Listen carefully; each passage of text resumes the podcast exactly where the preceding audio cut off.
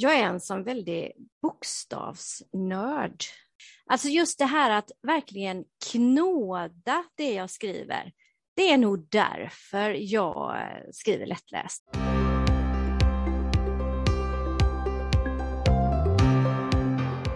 Hej och välkomna till Konsten att sabba en story. En podd om skrivandets vånda och glädje. Det här är podden för dig som vill skriva mer, bli bättre och lära dig av misstagen så att du inte sabbar storyn.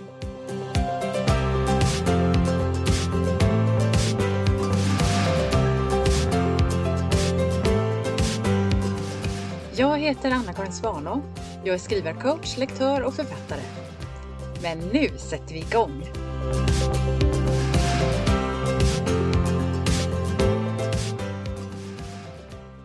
Idag har det blivit dags för avsnitt 26 och idag ska vi få höra en intervju med Ann-Charlotte Ekensten som har skrivit jättemånga böcker i genren lättläst, både för vuxna för barn, både skönlitteratur och facklitteratur.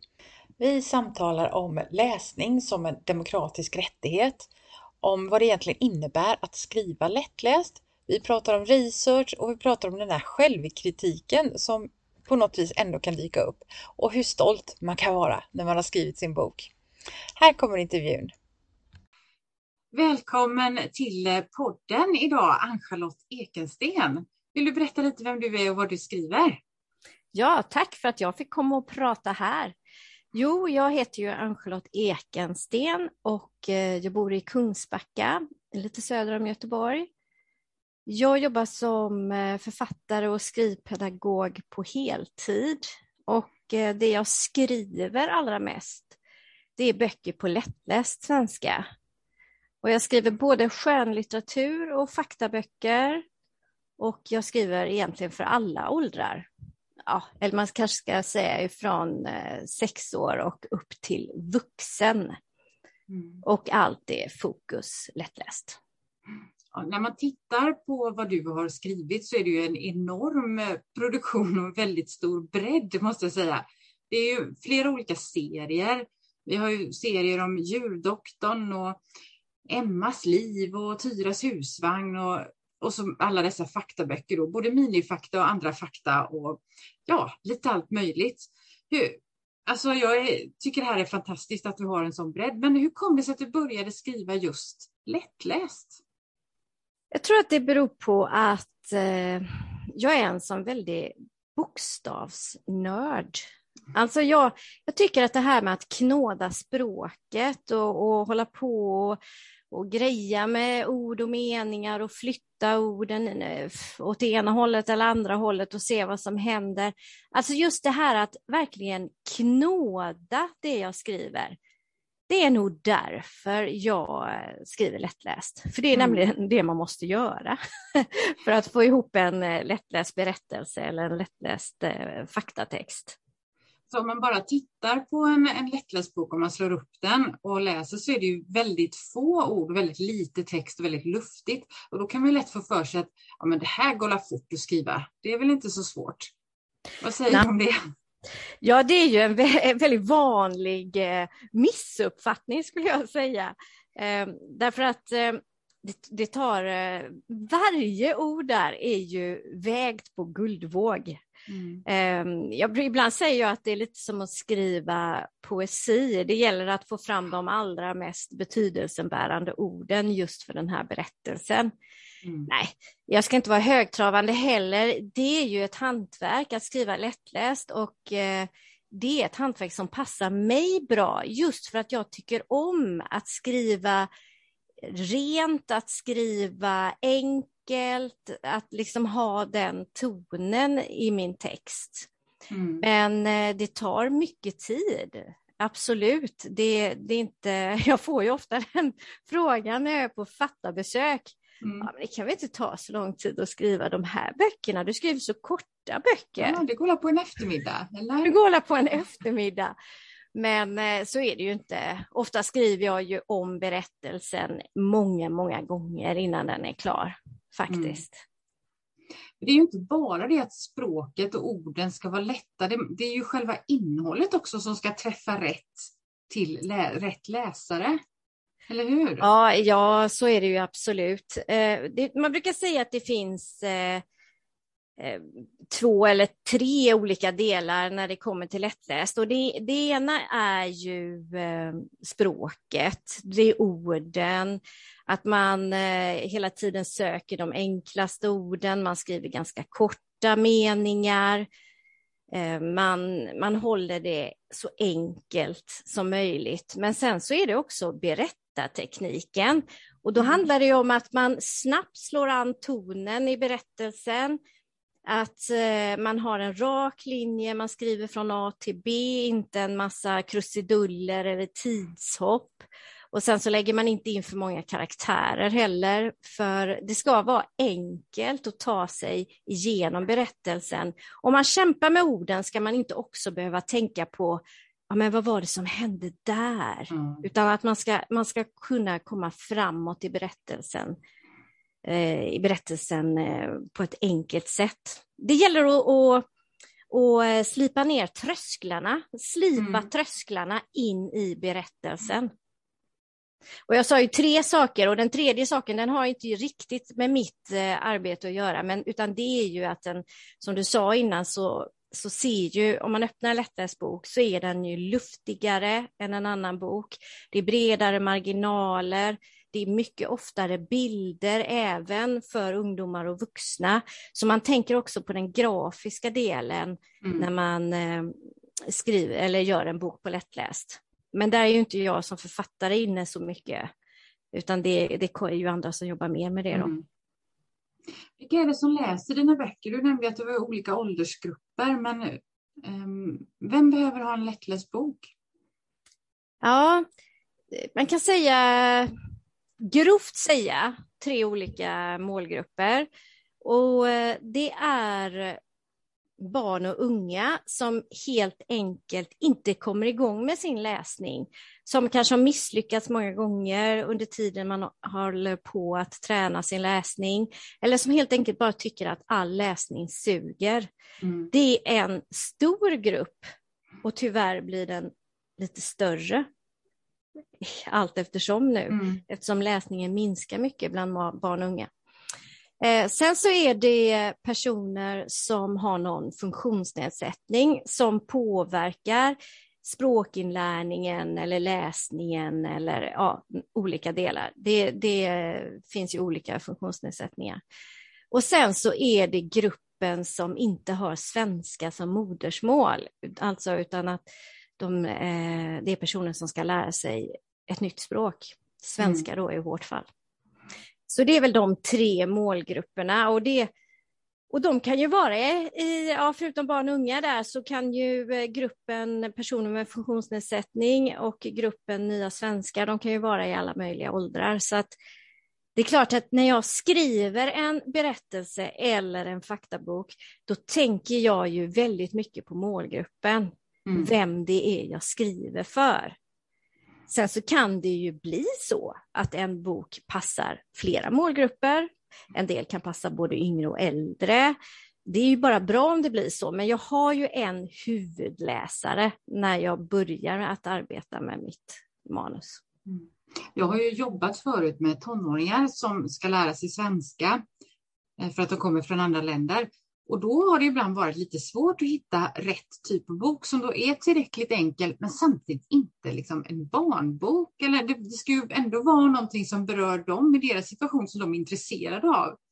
Och det tycker jag då är, där fyller ju dina böcker en, en stor funktion, att det finns liksom för även, även vuxna eller tonåringar. Så. Ja, det, absolut, för det är jätteviktigt och det var en av sakerna som gjorde att jag började skriva lättläst också, förutom det här mm. att jag gillar att knöla med orden. Det är ju det här att jag kan tycka eh, jag tyckte att det var ovärdigt för vuxna att läsa mm. barnböcker bara för att de inte eh, var så bra på språket. Eh, så att eh, av en av mina första serier som du nämnde, Emmas liv, den vänder ju sig till vuxna med intellektuell funktionsnedsättning. Och, så det var ju en av mina första lättlästa serier som jag skrev faktiskt, av just mm. den anledningen. Och de böckerna gillar jag väldigt mycket själv. Alltså, jag blev berörd när jag läste den. För att jag kände igen saker i den. Från när jag, till exempel Emma ska flytta hemifrån och få nyckel för första gången och få rå sig själv. Jag minns ju den känslan från när jag skulle flytta hemifrån. Och du fångade den så på pricken tycker jag. Eh, det var, det var, roligt att höra, men det är ju också så att det, det handlar ju oftast, de flesta människor är ju ganska lika varandra. Ja. Så det gäller ju att fånga de här mellanmänskliga situationerna och det gör jag ju mycket i de böckerna just om Emma, för de handlar ju väldigt mycket om relationer och att växa som människa själv. Så eh, det är bara det, man kan säga så här, att en bra lättläst bok den funkar ju även för den som inte har några läsutmaningar. Ja. Det, det, går bara snabbare att läsa den helt mm. enkelt. Jag tänker att det är viktigt med läsning i alla åldrar, att alla har rätt att lära sig läsa, att alla har rätt att lära sig, eller att ta till sig berättelser. Men läsning har ju också en väldigt viktig funktion i samhället. Man brukar ju säga att, att läsningen är en demokratifråga. Hur tänker du om det?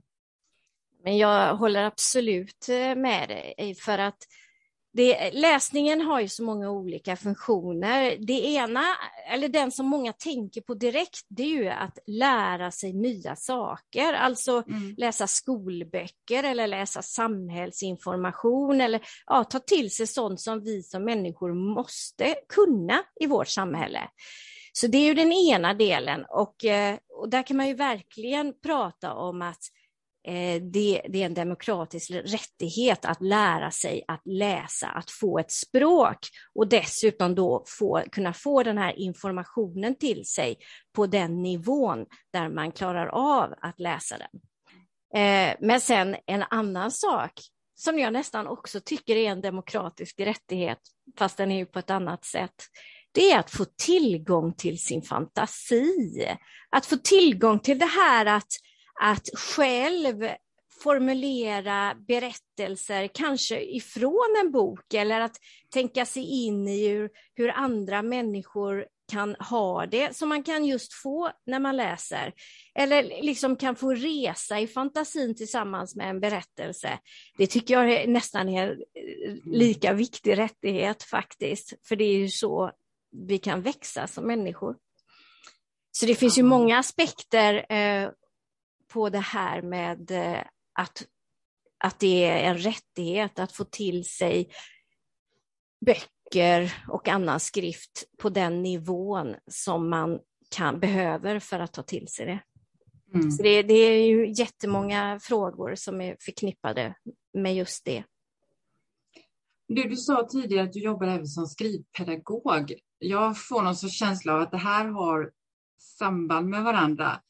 Att du vill förmedla och den här känslan av att kunna leva sig in, att få, få tag i sin fantasi och kunna uttrycka sig själv med ord. Eller vad, vad gör man egentligen som skrivpedagog? Är det så som jag tänker nu?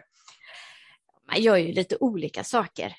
Jo, jag gick eh, skrivpedagoglinjen i Skurup för att jag, eh, jag bokas ganska ofta som författare eh, till skolor.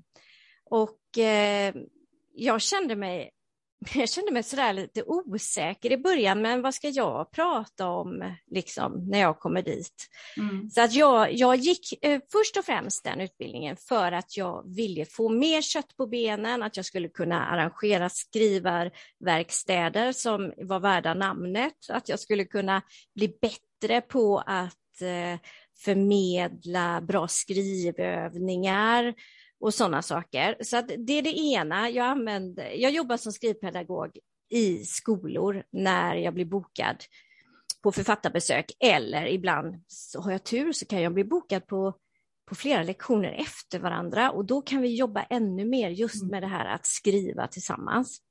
Ibland är det skönlitteratur och ibland jobbar jag med faktaboksprojekt också. Eh, men sen så eh, jobbar jag ju också på Linnéuniversitetet. Jag är gästlärare där och eh, dels undervisar jag i lättläst, men eh, även i andra skrivövningar där jag eh, ger eh, feedback och eh, respons på texter ur olika synvinklar.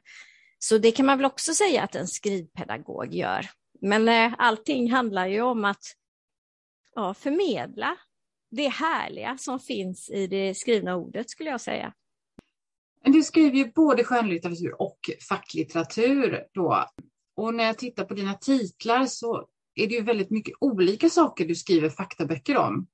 Eh, är du så här superallmänbildad eller gör du väldigt mycket research? Nej, men jag är väldigt allmänbildad.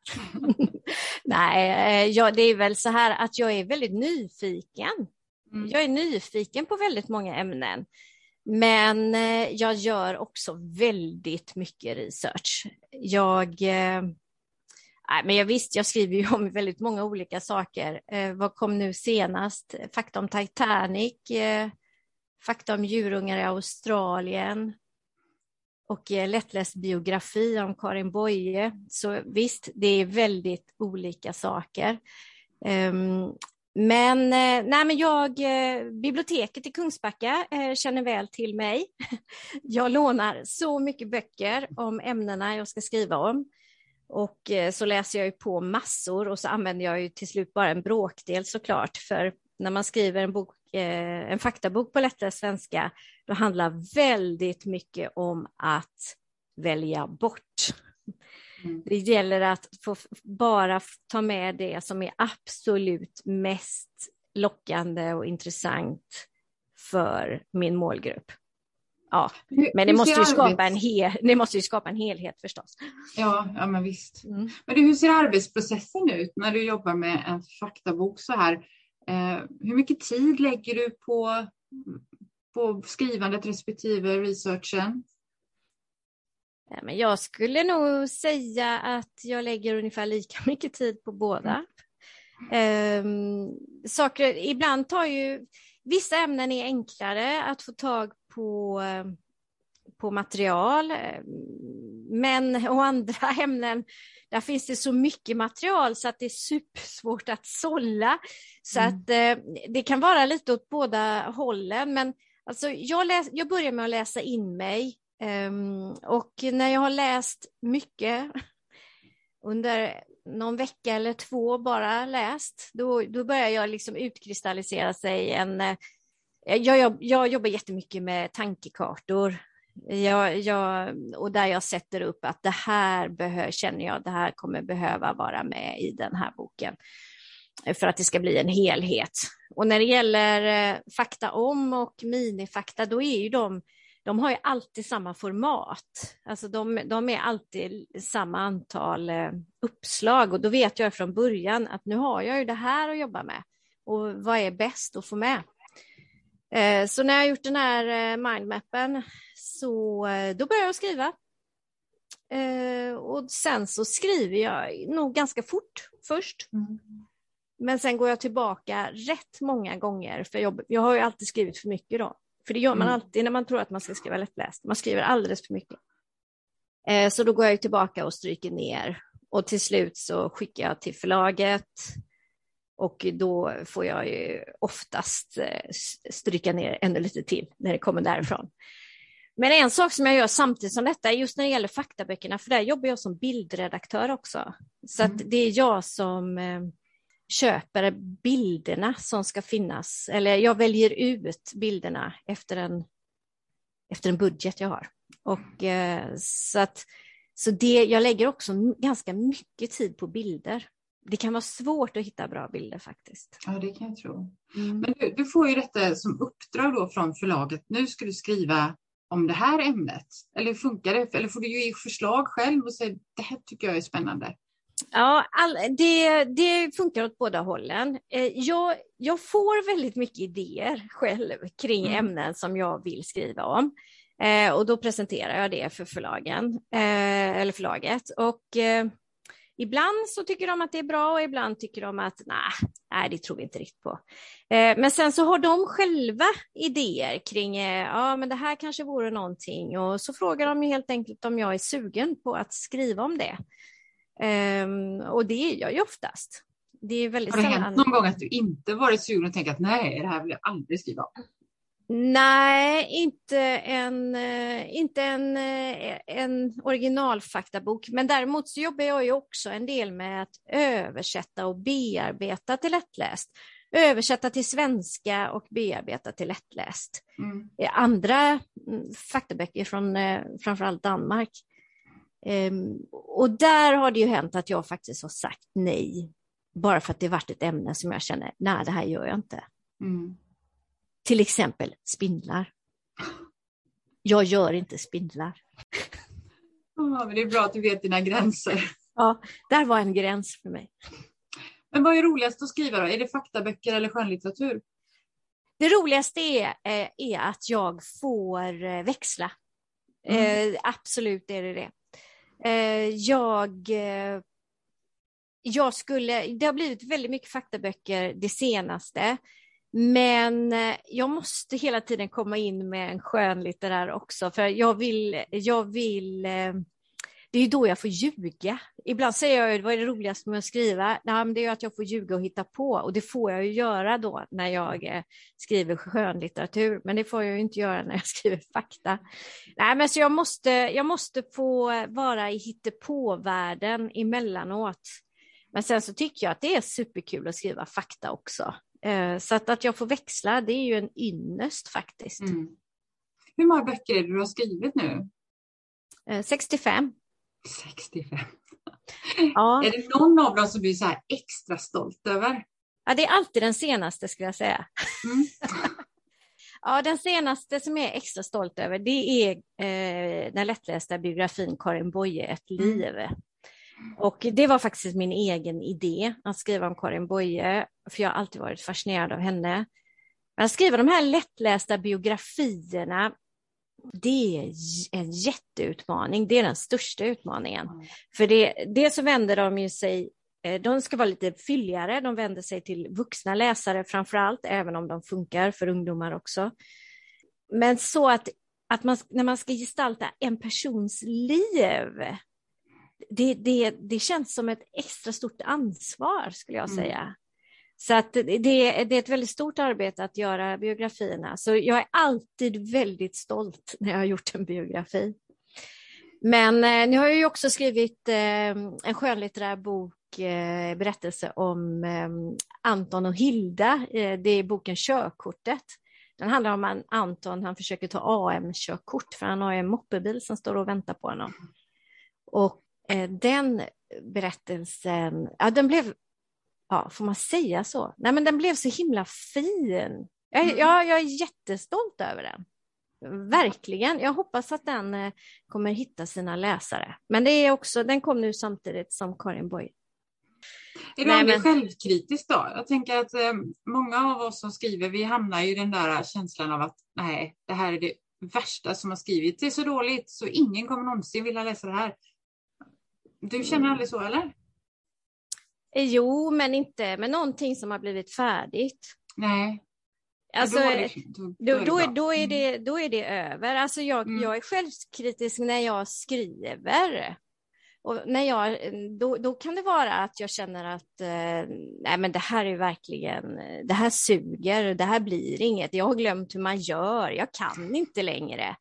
Alltså den fasen, den har jag nästan varje, vid varje manus. Och så det är blir nästan den... lite roligt. Ja. Du skriver 65 böcker och sen känner du ändå, jag har glömt hur man gör.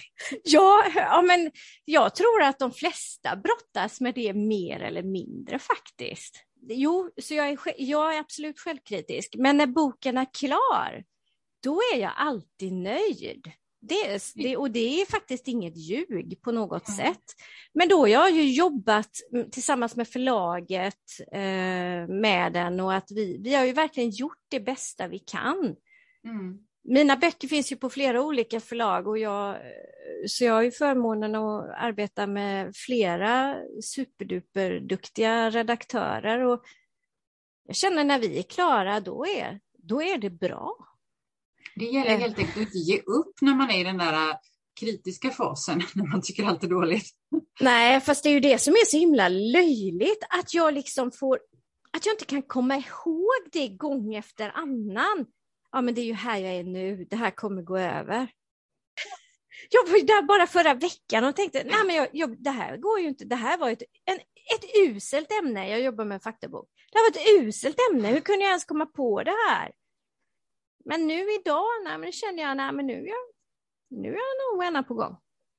Ja, alltså man borde nästan sätta upp som en, en skylt till sig själv där man sitter. Liksom, Kom ihåg, det vänder, det blir bra.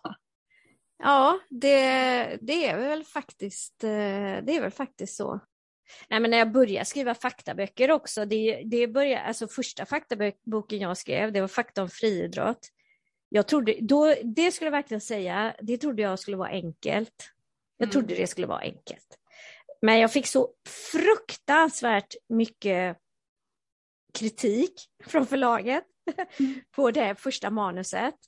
Så jag tänkte bara, jag höll på att gå ner för räkning. Jag tänkte bara, nej det här, nej, det, jag, det här fixar inte jag. Det här går inte. Men eh, sen när jag knäckte den koden lite för mig själv så får jag väl säga att det, är ju enklare för mig att skriva de böckerna nu. Det är enklare för mig att skriva faktaböcker än skönlitteratur. Ja, det är det nog faktiskt. Vad var det som, som var den koden då? Eller det som du inte fattade först? Vad tilltalet. Ja.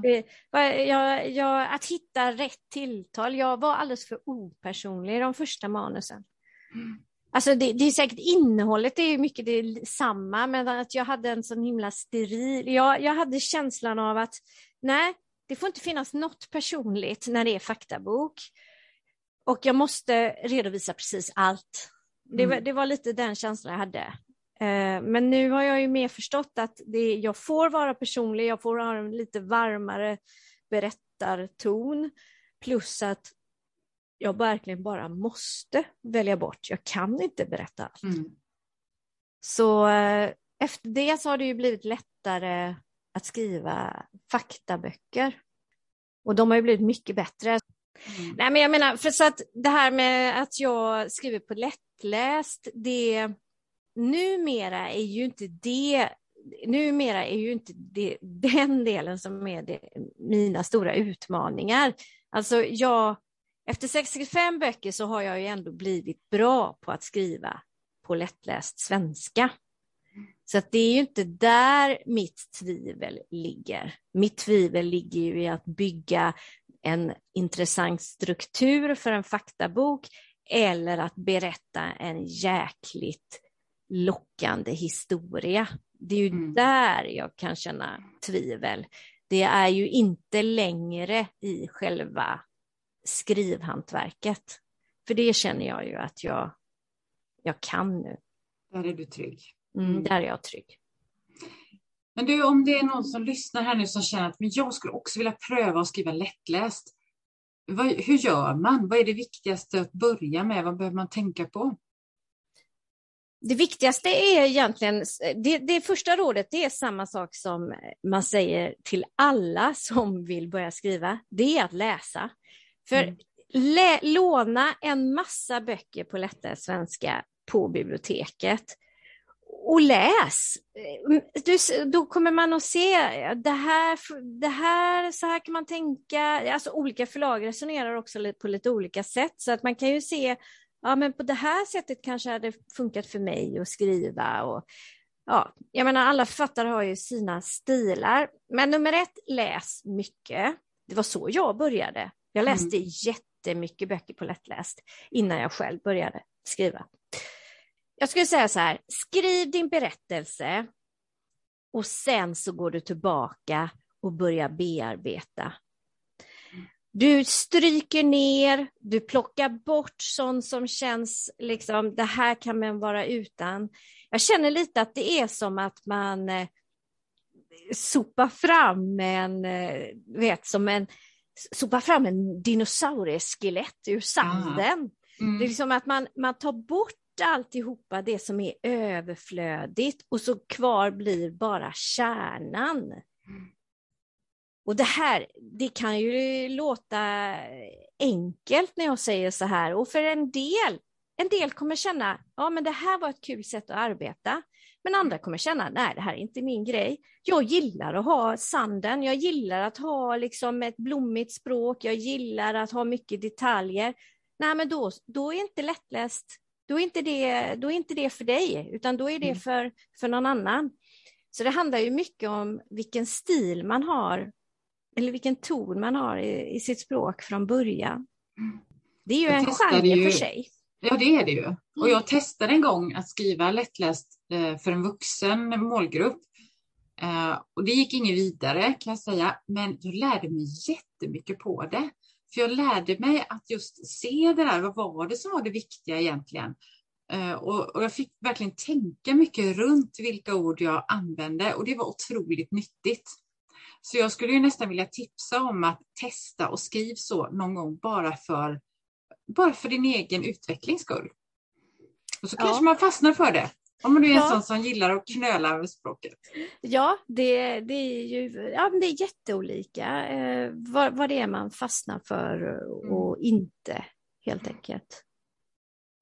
Men om vi ska sammanfatta lite då, Ann-Charlotte. Eh, har du tre tips för den som vill skriva lättläst?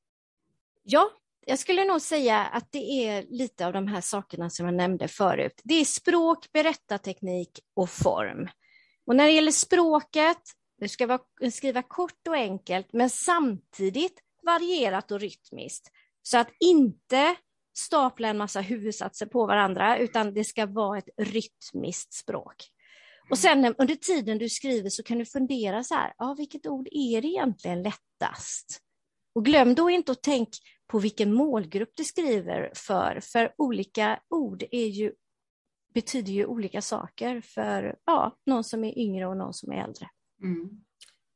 Och sen är det det här med berättartekniken och, och då är det, se till att få tag, eh, gör en stark öppning. Alltså det gäller att slipa ner trösklarna för läsaren.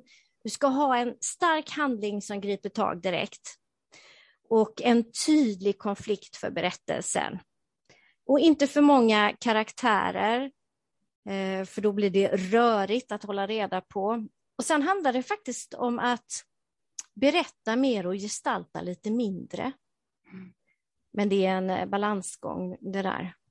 Och sen det sista, det är formen och det påverkar inte du som författare så mycket, men en sak du kan tänka på, det är att jobba med tydliga styckeavdelningar och tydliga kapitelavslut. Mm. För det, kan jag, det är bra att du tänker in det redan från början, från början när du skriver. Men som sagt, jag brukar skriva typ eh, åtminstone dubbelt så långt eh, från början än vad boken kommer att bli till slut. Så det handlar mycket om att skriva på och sen så stryka ner. Nej, men det var väl lite man kan tänka på. Mm, ja, men jättebra. Tusen tack Ann-Charlotte. Jag är grymt imponerad av dig. tack för att du ville komma hit idag. Tack så hemskt mycket Anna-Karin. Hej då.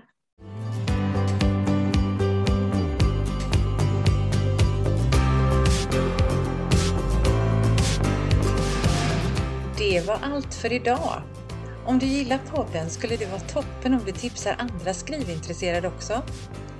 Titta gärna in på min hemsida www.annakarinsvana.se. Där finns bland annat en gratis minikurs om att börja skriva. Där finns också mer information om mina tjänster och kurser. Men nu är det dags att börja skriva.